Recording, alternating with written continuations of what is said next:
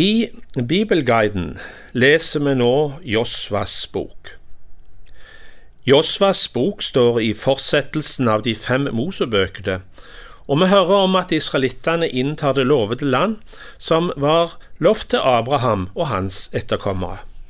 Gjemt i beretningen om Josva og de mange hendelsene vi hører om, ligger det gjemt mange åndelige hemmeligheter og sannheter, som ikke bare gjaldt de som levde da, men som òg gjelder oss som kristne her i verden.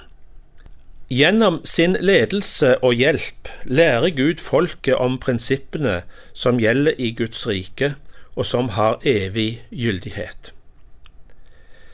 I det første kapittel hørte vi at Josva ble innsatt som folkets leder etter Moses, og han fikk høre disse styrkende ordene fra Gud.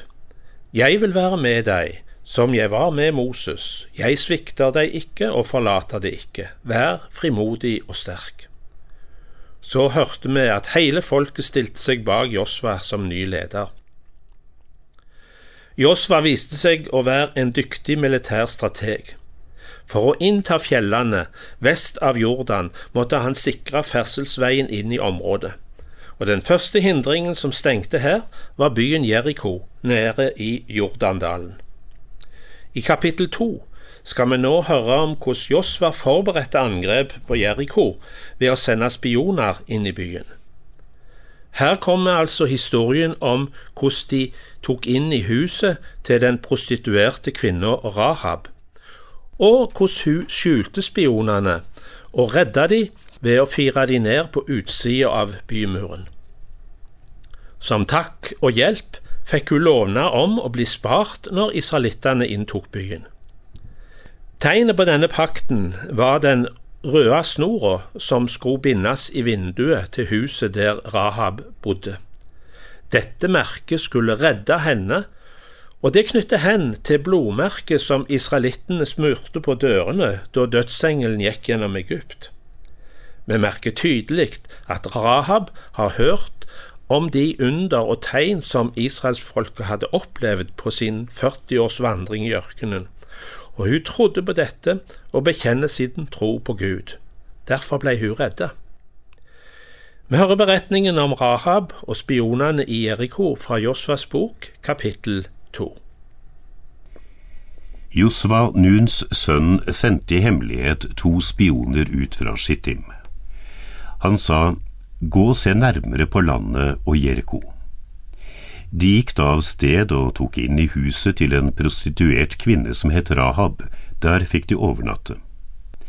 Kongen i Jeriko fikk melding om at det var kommet noen israelitter om natten for å utforske landet.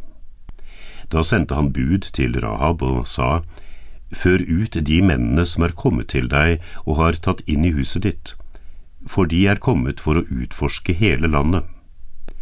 Kvinnen skjulte de to mennene og svarte, Ja, mennene kom til meg, men jeg visste ikke hvor de var fra.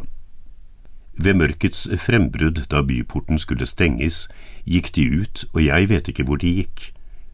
Skynd dere etter dem, så kan dere ta dem igjen. Men hun hadde ført dem opp på taket og gjemt dem under linhalmen hun hadde bredt utover der. Kongens menn satt etter dem på veien mot Jordan, ned til vadestedene og så snart forfølgerne var kommet ut, ble porten stengt.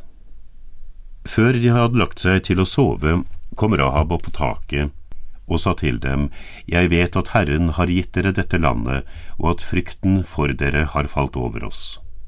Alle som bor i landet skjelver for dere. For vi har hørt hvordan Herren tørket ut vannet i Sivsjøen foran dere da dere dro ut av Egypt, og hva dere gjorde med de to amorittkongene på den andre siden av Jordan, Sihon og Og, som dere slo med bann og utslettet. Da vi hørte om det, smeltet hjertet vårt bort, og vi mistet motet på grunn av dere. For Herren deres Gud er Gud både i himmelen der oppe og på jorden her nede. Sverg nå ved Herren at dere vil vise godhet mot min familie, siden jeg har gjort godt mot dere. Gi meg et troskapstegn på at dere vil la min far og mor, mine brødre og søstre og alle i deres hus få leve og berge livet vårt fra døden. Da svarte mennene, Med vårt eget liv skal vi stå inne for deres liv, så sant du ikke røper planene våre. Når Herren gir oss landet, skal vi vise godhet og troskap mot deg. Så firte hun dem ned fra vinduet med et reip, for huset hennes gikk i ett med bymuren, og hun bodde i muren. Hun sa til dem, Dra opp i fjellet så dere ikke møter forfølgerne deres. Hold dere skjult der i tre dager til forfølgerne har vendt tilbake. Etterpå kan dere gå dit dere skal. Mennene sa til henne, På ett vilkår er vi forpliktet av den eden du lot oss sverge. Når vi går inn i landet, skal du binde denne røde snoren i vinduet som du fyrte oss ned fra, og så skal du samle din far og mor, dine brødre og hele familien din her i huset hos deg. Hvis noen går ut av døren i huset ditt, skal blodet hans komme over hans eget hode, og vi er skyldfri. Men blir det lagt hånd på noen som er med deg i huset, skal blodet komme over vårt hode. Og røper du planene våre, er vi løst fra den eden du lot oss sverge.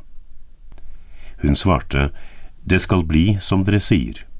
Så lot hun dem gå. De dro av sted, og hun bandt den røde snoren i vinduet. Mennene gikk til de kom opp i fjellet. Der ble de i tre dager til forfølgerne var kommet tilbake. De hadde lett hele veien uten å finne dem. Så ga de to mennene seg på hjemveien. De gikk ned fra fjellet, krysset elven og kom til Josva, Nuns sønn. De fortalte ham alt som hadde skjedd dem, og sa til Josva, Herren har gitt hele landet i våre hender, og alle som bor i landet, skjelver for oss. Spionene avla sin rapport til Josva. Nå var de klar til å gå over Jordanelva. Det skal vi høre om i neste program.